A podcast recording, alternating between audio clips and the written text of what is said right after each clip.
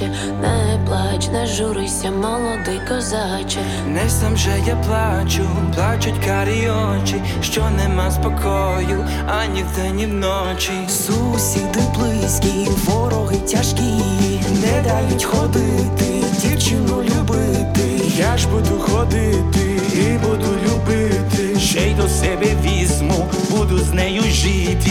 You can take it all take away my Labdien! Es esmu LTV raidījuma kultūrdeva vadītāja Henrieta Verhostīnska, un jūs klausāties uh, raidieraksta kultūrdeva jau 22. laidienu. Un šeit mūsu studijā man pretī sēž Katrīna Gupalo. Katrīna ir mūziķa orķestris. Viņai ir ļoti īpašs balss, viņa ir komponiste, pianiste, mūzikas izrāžu veidotāja, producente un aktrise. Katrīna ir studējusi Rietumu mūzikas akadēmijā Kalifornijā un Londonas Karaliskajā mūzikas akadēmijā. Guvusi atzinību dažādos starptautiskos konkursos. Viņas kontā ir izrādes simts gadi ar Piafu un pēc pusnakts. Pirms četriem gadiem bijusi supernovas finālā. Kopā ar grupu Katrīnu Gupalo The Blackbirds izdevusi debijas albumu Gentle and Done, kam sekoja septiņas skumjas zvaigznes ar Imants Kalniņa mūziku. Un pēdējais lielais darbs ir Ukrainai veltītā dziesma Resistance, kurā Katrīna ir sapulcinājusi krietnu skaitu mūziķu. Sveiki, Katrīna! Sveiki, Henrieta! Cik tad īsti mūziķi piedalās šajā dziesmā? Nu, vairāk kā 40, bet tie ir tikai mūziķi. Vēl ir uh, ļoti daudz uh, citi mākslinieki, video mākslinieki, milzīga komanda, dejotāji, kas veidoja dziesmas vizuālo tēlu, jo es domāju, ka šajā gadījumā vizuālais ar audio iet roku rokā un ir diezgan nu, neatņemams viens no otra. Nu, Tā kā tuvu 80, es domāju. Kopā. Tuvu 80. Jā. Es atpazinu, tur, protams, Ingu Ulmani, Ingu Sulmani, Jā. un, uh, Katrīnu Dimantu, Miku Dukuru, Roberto Meloni. un Tur bija ļoti daudz tādu jaunās paudzes mūziķu, kas man varbūt nebija tik atpazīstami. Kā tev izdevās viņus savākt? Vai viņi visi bija uzreiz atsaucās, un vai visiem bija laiks to darīt uzreiz, vai tas bija tāds ilgstošs process, to visu samanģēt? Tas bija ļoti ātri. Bija trešdienas rīts, bija dziesma, uzmetums. Mēs ar dziesmas producentu Armānu Varslavānu nolēmām, ka dziesmai ir jābūt ar dzīvajiem instrumentiem, nevis tīri elektroniskiem. Un sākām tieši ar instrumentālistu apzināšanu, piezvanījām, un ļoti, ļoti daudz uzreiz atsaucās. Mm, Tā skaitā arī Rihards Lībijams, ar kuru mēs kopā uzstājāmies, un Gins Mukais, un flautistis Niedz Brauliņa, um, violniece Rasa Kumsāre.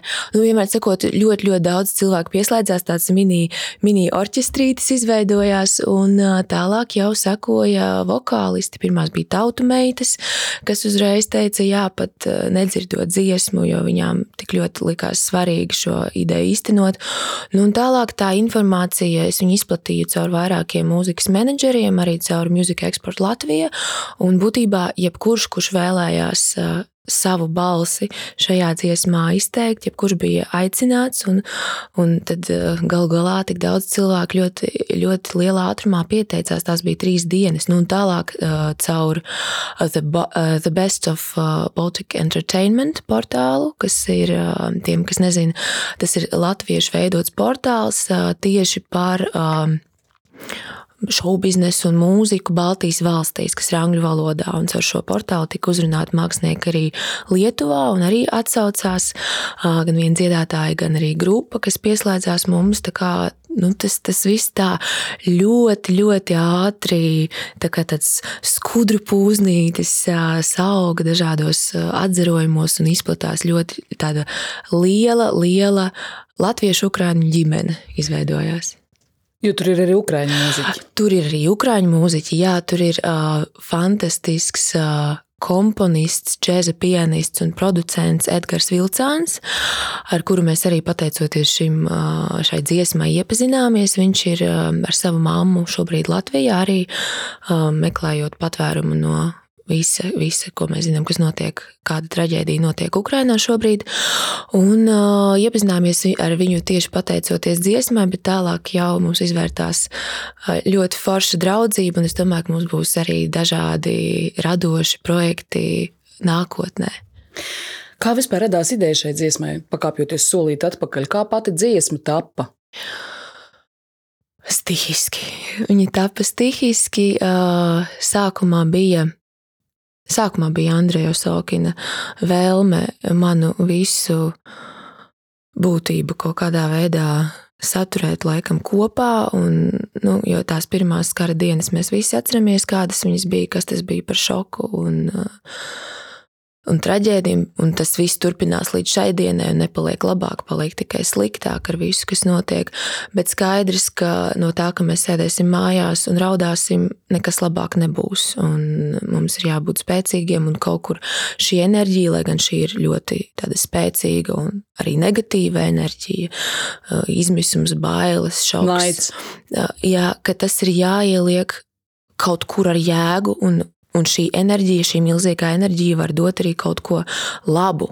Un es, es aicinu visus rast iespēju, kā, kā šīs negatīvās lietas transformēt un dabūt no sevis ārā. Vai nu tas ir radošs veids, vai nu tā ir palīdzība Ukraiņas bēgļiem Latvijā, vai es nezinu, ir tik daudz veidu, kā mēs varam būt aktīvi un iesaistīties, lai kaut vai pa mazai drupatiņai kaut kā uzlabot to situāciju, mēģināt censties, jo tad, kad mēs visi kaut vai bišķiņi pacentīsimies, atradīsim savā ikdienā laiku, brīdi to izdarīt, tad šīs eh, mazās, mazās daļiņas sajies kopā, un tas jau būs kaut kas. Nu, mēs arī redzam šos pozitīvos piemērus. Latviešu puikas, kuri ved mašīnas uz Ukrajinu, un, jā.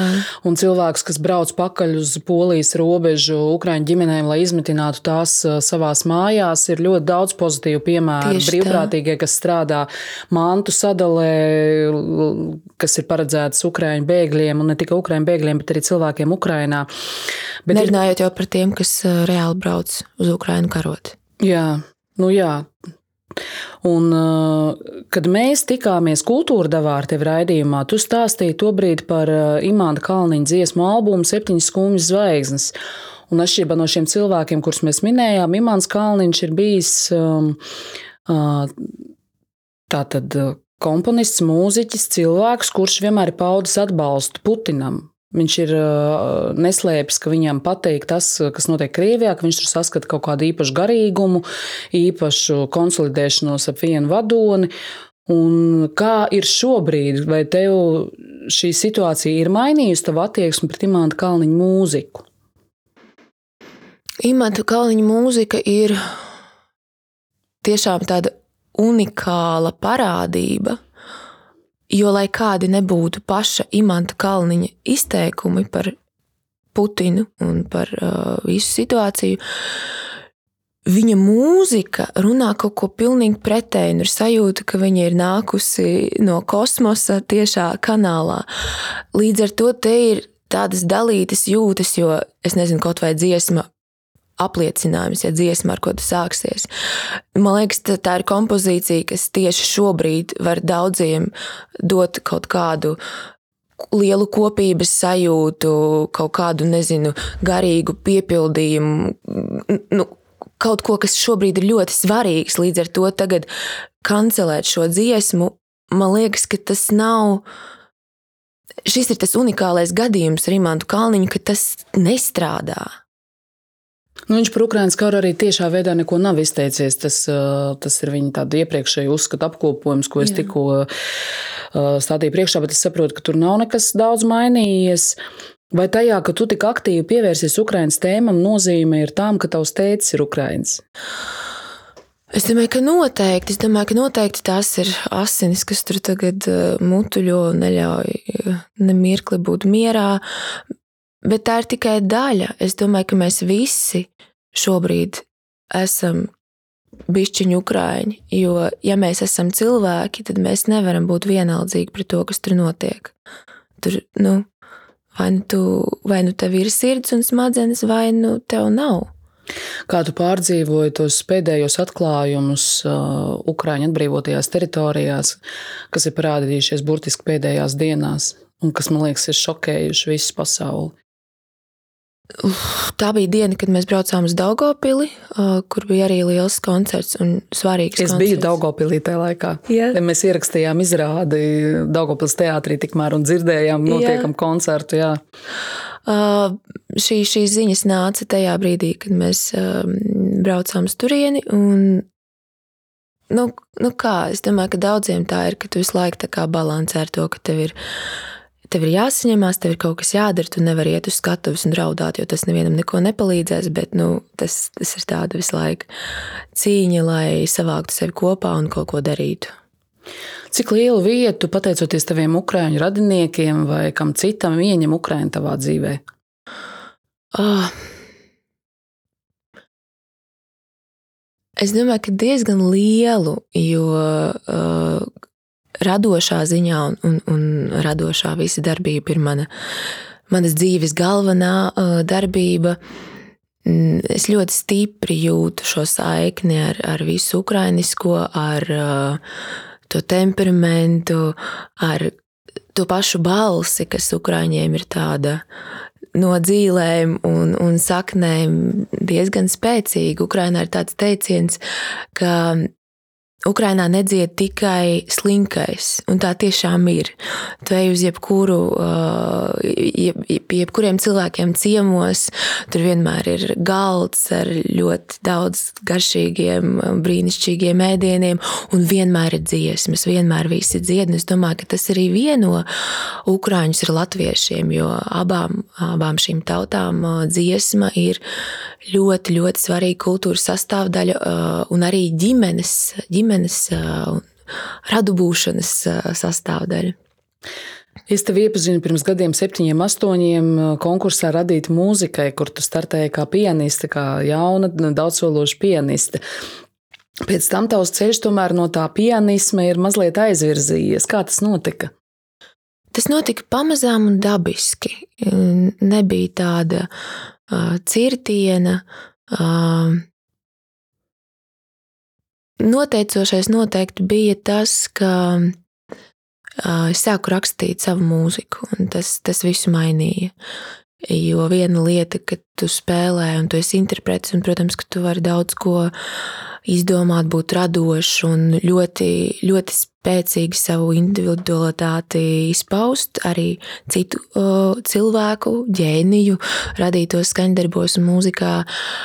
Bet, uh, bet uzdrošināšanās kaut ko uzrakstīt pašam, tas ir jau tā ir cita pasaule, tas ir kaut kas pilnīgi cits. Un, un tev bija tā iekšējā prasība, tev lauzās kaut kas ārā. Kaut kas lauzās ārā, un, protams, ka bija baili, jo tik daudz, kas ir uzrakstīts, un tik daudz, nu kā tu, tu mācies visu dzīvi.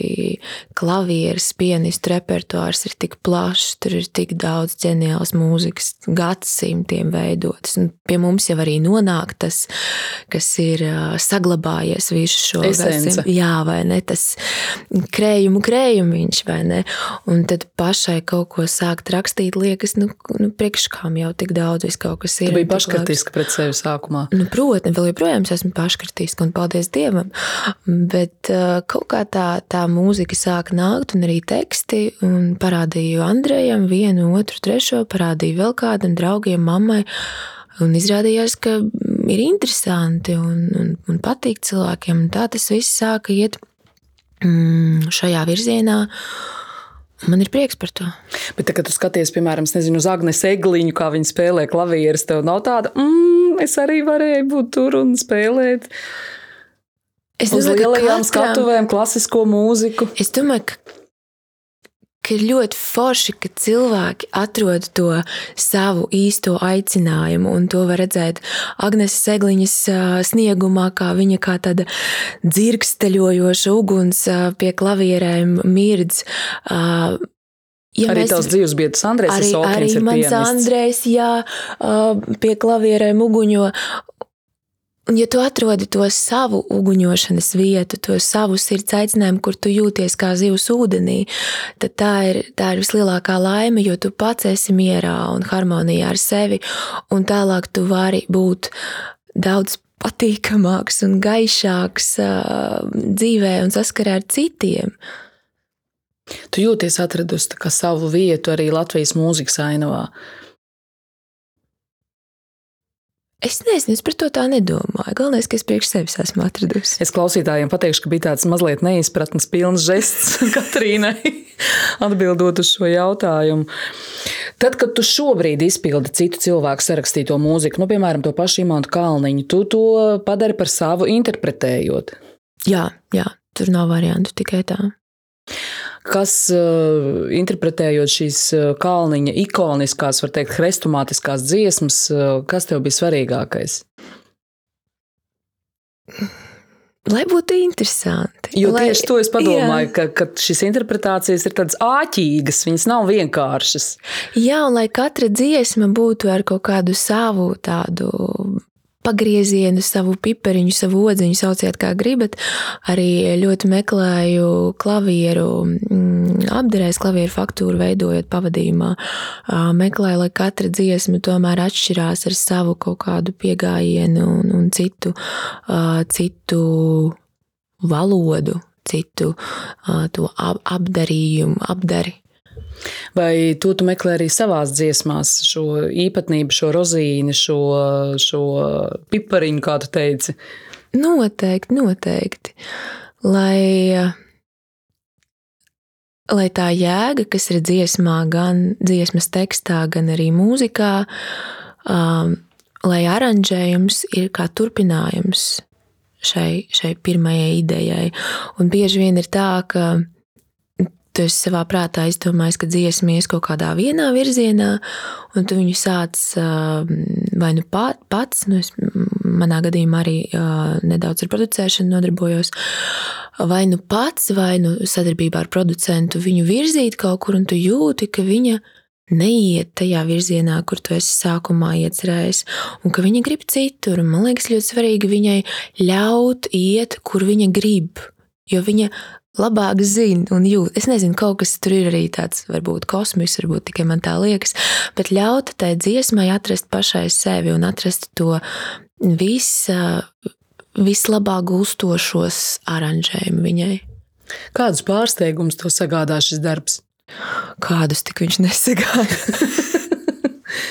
Nē, ļoti, ļoti interesanti, kā tas viss radās, jo uh, mūsdienās ir tik daudz iespēju gan ar akustiskajiem instrumentiem izpausties, gan iespējas, kas ir elektroniskajā mūzikā.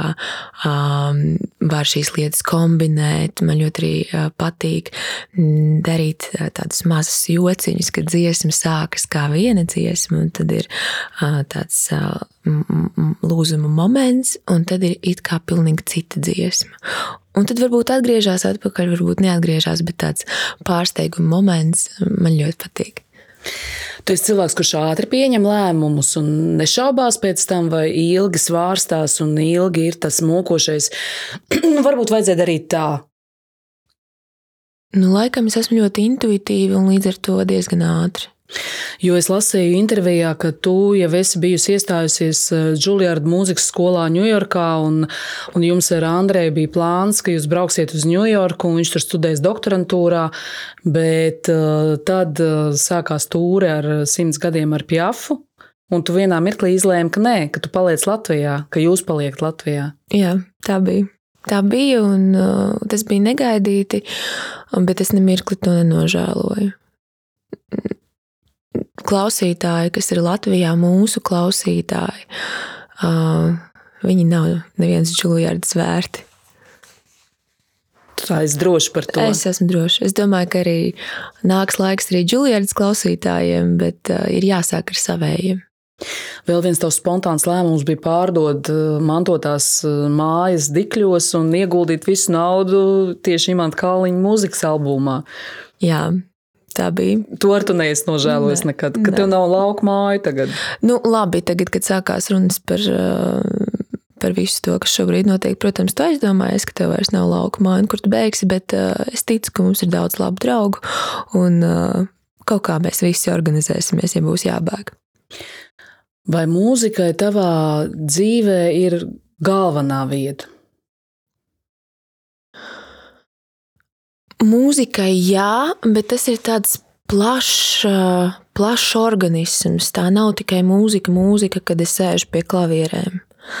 Tas ir viss radošais process, sākot ar uh, dziesmas iedīgli līdz tās realizēšanai. Tas ir ļoti liels un plašs process, kur ir ne tikai pati dziesmas tapšana, bet arī mūzikas, video, uh, publicitātes, visas lietas, tālāk jau koncerti, koncertu organizēšana. Uh, tas ir arī Andrēs, ar kuru kopā mēs darām. Uh, ne tikai romantiskas lietas, pie mūzikas arī. Jā, bet arī pie mūzikas. Tā ir arī mūsu brīnišķīgā menedžera Daiga Bināne, kas ir gan menedžera, gan arī ļoti tāds jau ģimenes mums draugs, ar kuru mēs arī diendienā esam kopā. Mana mamma, kas arī iesaistās radoši ar saviem zīmējumiem tieši vizuālajā daļā. Tā kā tas ir tāda septiņas skumjas zvaigznes bija noformētas. Septiņas skumjas zvaigznes, jā, un būs vēl lieldienu metiens ar krekliņiem, bet, nu, jāskatās, jo tagad tie krekliņi ir tādi ļoti, un zīmējumi tādi ļoti ar trušiem un tādi dzīvespriecīgi. dzīvespriecīgi un jāstri, bet kaut kā tas dzīvespriecīgums pagaidām nav dvēselē un gribās ar to visu pagaidīt. Runājot par taviem spontānajiem lēmumiem, kurus tu nenožēlo, tu arī pozēji žurnālā klubs atklātā fotosesijā. Un tad es iedomājos tavu tagad Ukrainas aktivitāšu dēļ, ka tu varbūt kādreiz vēlēsies iet politikā, piemēram. Un veidot savu karjeru saistībā ar kaut kādām oficiālām aprindām, vai tev nav tādas bažas, ka šīs fotogrāfijas varētu tev kādreiz kaitēt? Es domāju, ka nē, jo fotografijas ir skaistas. Tā tas ir. Es to varu apliecināt, jo es apskatījos pirms šīs sarunas. Lai pievērstu uzmanību mentālās veselības problēmām, tu pandēmijas laikā izdevi dziesmu Agonija, kuras tāds ļoti poētisks, melnbalts uh, klips tapa sadarbībā, es saprotu, ar krīzes centru skalbes. Vai šajā dziesmā bija daudz tavas pašas pieredzes? Jā, jā, tā bija ļoti personiska dziesma, kā arī būtībā visi mani daļradi, jo kāda jēga rakstīt par to, ko tu nezini un nejūti, un kas nav sakarā ar tevi. Uh, jā, šajā dziesmā bija ļoti koncentrēti, un arī video klipā ļoti koncentrēti ielikts uh, tas, caur ko daudz radoši cilvēki iet uh, iet savus, savu radošo, radošo ceļu meklējot, bet es domāju, ka šī dziesma arī varētu būt noderīga daudziem citiem. Jebkuram cilvēkam, kurš neredz izēju, kurš redz varbūt tikai vienu un ļoti letālu izēju. Un mēs vēlējāmies arī ar, ar visu komandu um, parādīt uh, mūzikas video, kas ir Nu, viņš ir tāds, tā realitāte tur ir tāda, nu, neizsmērēta, bet tāda um, halucinogēna, nezinu, nu, tā, tāda ļoti izplūdusi. Un ka tomēr no šīs jocīgās, aptumšotās visas pasaules var atrast izēju. Un ir jāmeklē izēja, un līdz cilvēkiem ir jāpalīdz to izdarīt.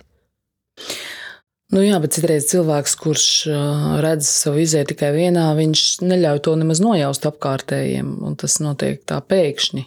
Tas notiek pēkšņi, bet mēs arī runājām dziesmu izdodot ar krīzes centra skalbes komandu, ka tomēr kaut kādi signāli, simptomi tomēr ir, un tāpēc ir jābūt ļoti jutīgam pret otru cilvēku un jāsajūt un tomēr jānotver tas brīdis, lai cik arī tas nebūtu grūti. Kā tu pati cīnies ar šo nomāktību, kas var pāraukt arī nopietnā depresijā? Ļoti vienkārši darbs. Jo vairāk tu strādā, jo mazāk tev ir brīvā laika domāt uh, par, par kaut kādām liekām, liek, varbūt ne liekām. Tās domas vest neceļos, teiksim tā. Un, ja tu aizpildi savu laiku jēdzīgi un piepildi savu dzīvi ar, ar to, ko tu mīli, tad eh, tās visas domas ar laiku arī kaut kā sākumā paiet dažus soļus prom, pēc tam vēl, un pēc tam viņas izgaist, un tev liekas, tiešām es tā domāju kādreiz. Atgriežoties pie Ukraiņas tēmas, dziesmā rezistents skan arī krievu valoda, vai tas bija apzināti? Jā, tas bija ļoti apzināti. Šo fragment izpilda ļoti, ļoti talantīgs uh, krievu mūziķis Dmitrijs Lanskojs, kurš ir uh, pametis visu savu dzīvi Krievijā šobrīd un uh, ir Latvijā. Un, uh, tad, kad es rakstīju dziesmu, radošajā procesā es vienkārši dzirdēju viņa balsi šajā fragmentā. Uh, tekstu ir uh, tieši šim fragmentam. Tas ir no mana tēta Konstantīna Gupalo, kurš bija ne tikai arheologs, bet arī brīvajā laikā rakstīja mm, dzēju. Man tāda mapīte no viņa arī ir palikusi mantojumā, un es sajūtu, ka šis ir brīdis ņemt viņu ārā. Nu, lūk, un rakstot jau mūziku, ap, ap, ap šo dzēju. Es dzirdēju Dmitrija balsi šajā fragmentā, es viņu uzrunāju. Viņš uzreiz nemirklī nešāboties teica, jā, viņš bija klāts studijā nākamajā dienā, un viņš nemirklī. Uh, nešaubījās, ka šis ir vienīgais pareizais, nu, ne pareizais, bet vispār vienīgais lēmums vienīgā rīcība, kas šobrīd var būt. Jo uh, tas, kas šobrīd notiek, tam jau nav sakara ar, ar tautu vai ar valodu tam ir sakars ar cilvēcību.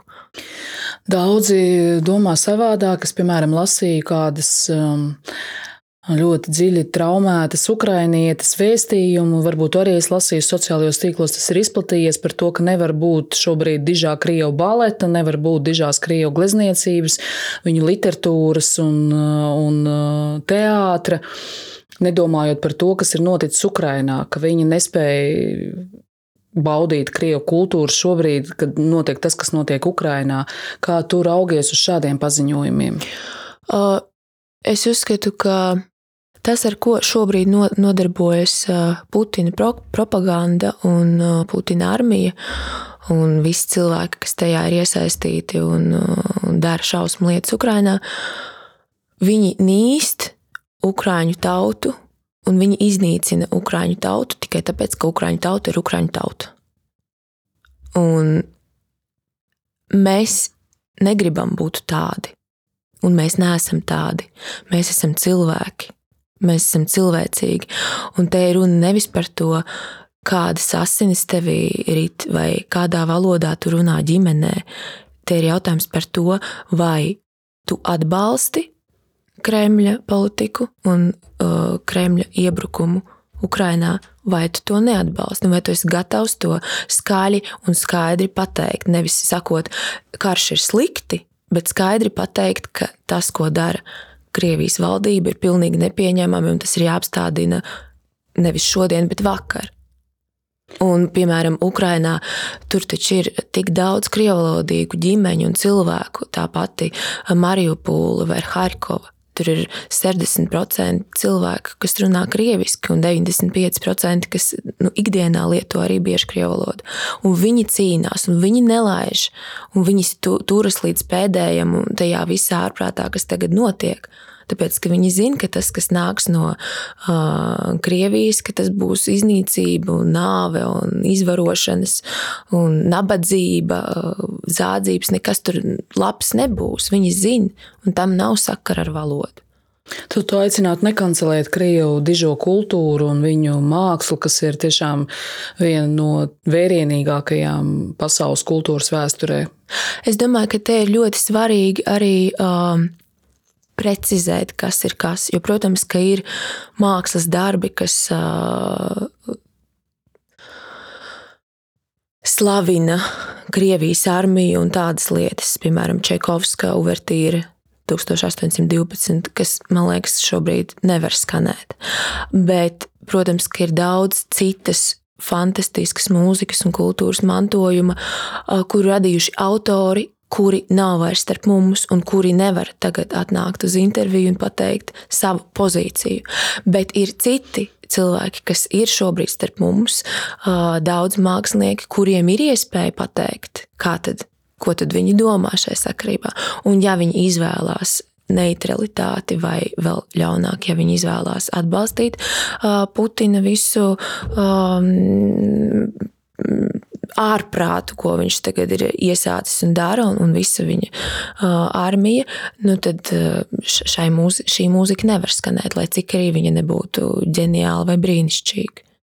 Nu, kā mēs zinām, Krievijā šobrīd par iestāšanos pret kāru draud arī krimināla atbildība un reāls cietumsots. Un tas varbūt arī kavē daudz cilvēku, kurš vienkārši, kur vienkārši norūpējušies par savu drošību, Jā, paklusēt. jā, to es saprotu, bet ir arī daudz cilvēki, kas uzdrošinās. un Tāpēc es, es uzskatu, ka jo vairāk cilvēki, kas nes kultūru Krievijas valodā, iestāsies pret šo karu, iestāsies pret Krievijas vardarbību Ukrajinā, jo labāk būs tieši no Krievijas pasaules. Tas ir ļoti svarīgi.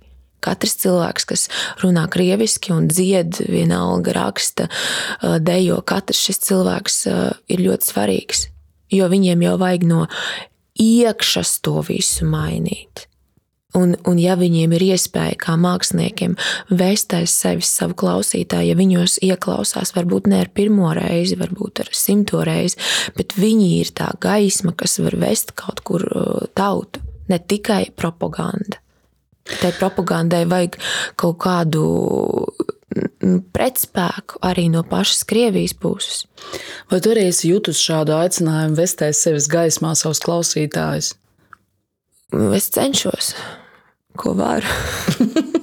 jo kāda jēga tad vispār uh, kaut ko, kaut ko darīt, ja, ja šajā brīdī, kad uh, veidojas vēsture, tu klusē? Kādi ir tavi tuvākie un tālākie mērķi tavā darbībā? Šis ir ļoti grūts jautājums, jo visa dzīve, kas bija pirms 24. februāra, šobrīd ir uz pauzes ar lielu jautājumu zīmi, jo viss, viss kas tika plānots šobrīd, nav aktuāls. Es arī aicinātu citus māksliniekus pārskatīt, arī ar tādu svaigu aci, vai tas, ko viņš šobrīd vēlas pateikt pasaulē, atbilst realitātei, kurā mēs dzīvojam.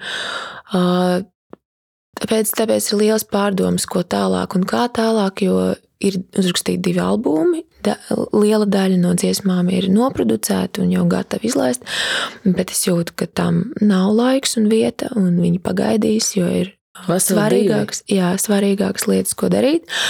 Um, nu, redzēsim, redzēsim, kā tas viss būs. Uh, Šobrīd tā katra, katra diena ir par īsu, lai darītu maksimāli visu iespējamo, lai ar savu mākslu un ar kaut kādām tīri cilvēciskām, ikdienišķām darbībām palīdzētu situācijai arī tiem cilvēkiem, kas ir atbraukuši no Ukrainas Latvijā, arī mūziķiem, māksliniekiem, kaut kā, lai viņi atrod sev vietu uz, uz šo laiku, kamēr viņi ir Rīgā. Vai tu esi darba holiķa? Es esmu darba holiķi, jā, esmu. Kā tu sev pasargā no izdegšanas? Nekā. Nē, es guļu. Šādi. Dažreiz šādi tādi, jā. Vai tas ir uh, viegli būt tik uh, empātiskai pret uh, visu un, un, un radīt mūziku? Tev jābūt ar vaļējiem nervu galiem un ārkārtīgi atvērtai, un tas jau var nodarīt arī pāri. Jā, bet tas ir ceļš, ko es esmu izvēlējusies, un, un es pa to eju. Tā ir mana misija. Nu, kādam tas ir jādara? Mēs runājām par tuvākajiem mērķiem, par taviem tiem albumiem, bet uh, es nesen aizdomājos, un tikai nesen, un man jau ir 48 gadi, par tādiem lieliem mērķiem, par to, kādēļ tu vispār dzīvo, vai tu esi sev atradusi atbildi uz šo jautājumu. Nu, tas nav vienkārši jautājums pašam pret, priekš sevis. Uh, es domāju, ka jēgas ir divas. Viena no tām ir atstāt kaut ko savu šeit, tādu komētas asti, kaut vai maziņu, kaut ko unikālu, kaut ko individuālu, kaut ko, kas ir tikai tavs, tā kā tāds maziņš nospiedums uh, mūsu informatīvajā vēsturē, ērā, nezinu. Un, un otra lieta ir šo visu manu nogriezni, kad es atrodos uz zemes, ar, ar tiem līdzekļiem, kas man ir, padarīt ā, interesantāku, jaukāku, aizraujošāku tiem cilvēkiem, ar kuriem es esmu šeit satikusies, vai tie ir mani paši tuvākie cilvēki, vai tie ir cilvēki, ar ko es strādāju kopā, vai arī klausītāji koncertos, vai tie, kas klausās mūziku attālināti. Kaut kā ar viņiem iedarboties, un lai viņiem šis laiks šeit uz pasaules kaut kā bišķiņi paliek tāds foršāks. Vērojot, cik tu tekoši izsaki savu domu, un arī par to, ka tu Zināmā mērā mēs to varētu Ilmāra Blūmberga brīnišķīgā mākslinieka vārdiem nosaukt par kalpošanu par kalpošanu kaut kam, to, ko tu esi uzstādījis par savu mērķi, jo tu mini citus cilvēkus, kuriem tu vēlies eh, izkrāšņot šo dzīvi. Un visu to klausoties, man nāk prātā, vai tu neesi domājis par pedagoģis eh, karjeru un darbu, jo tu, man liekas, no tevis sanāk ļoti labs skolotājs. Es esmu domājusi, bet uh, tomēr tā. Uh, mīlestība pret skatuvi un to maģisko brīdi, kad tu dari lietas šeit un tagad, un, un kā viņas pašas tālāk plūst no tevis, un tu nekad nezini. Tas viss ir tāds, nu, tas tiešām ir kaut kas kosmisks un, kosmisks un netverams. Uh, tā skatuves mīlestība viņa aprī visas pārējās idejas, lai cik arī viņas nebūtu labas un arī aizstošas. Jā, jā. jā.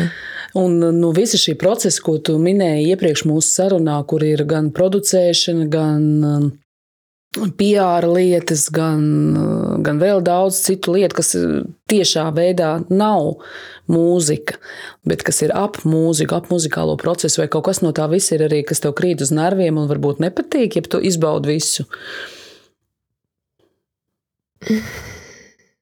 Man ir grūti zvanīt nepazīstamiem cilvēkiem. Telefona fobija. Bet es to daru, un ar katru reizi paliek aizvien labāk. Izrādās, ka visi ir tik jauki cilvēki, no ko bīties.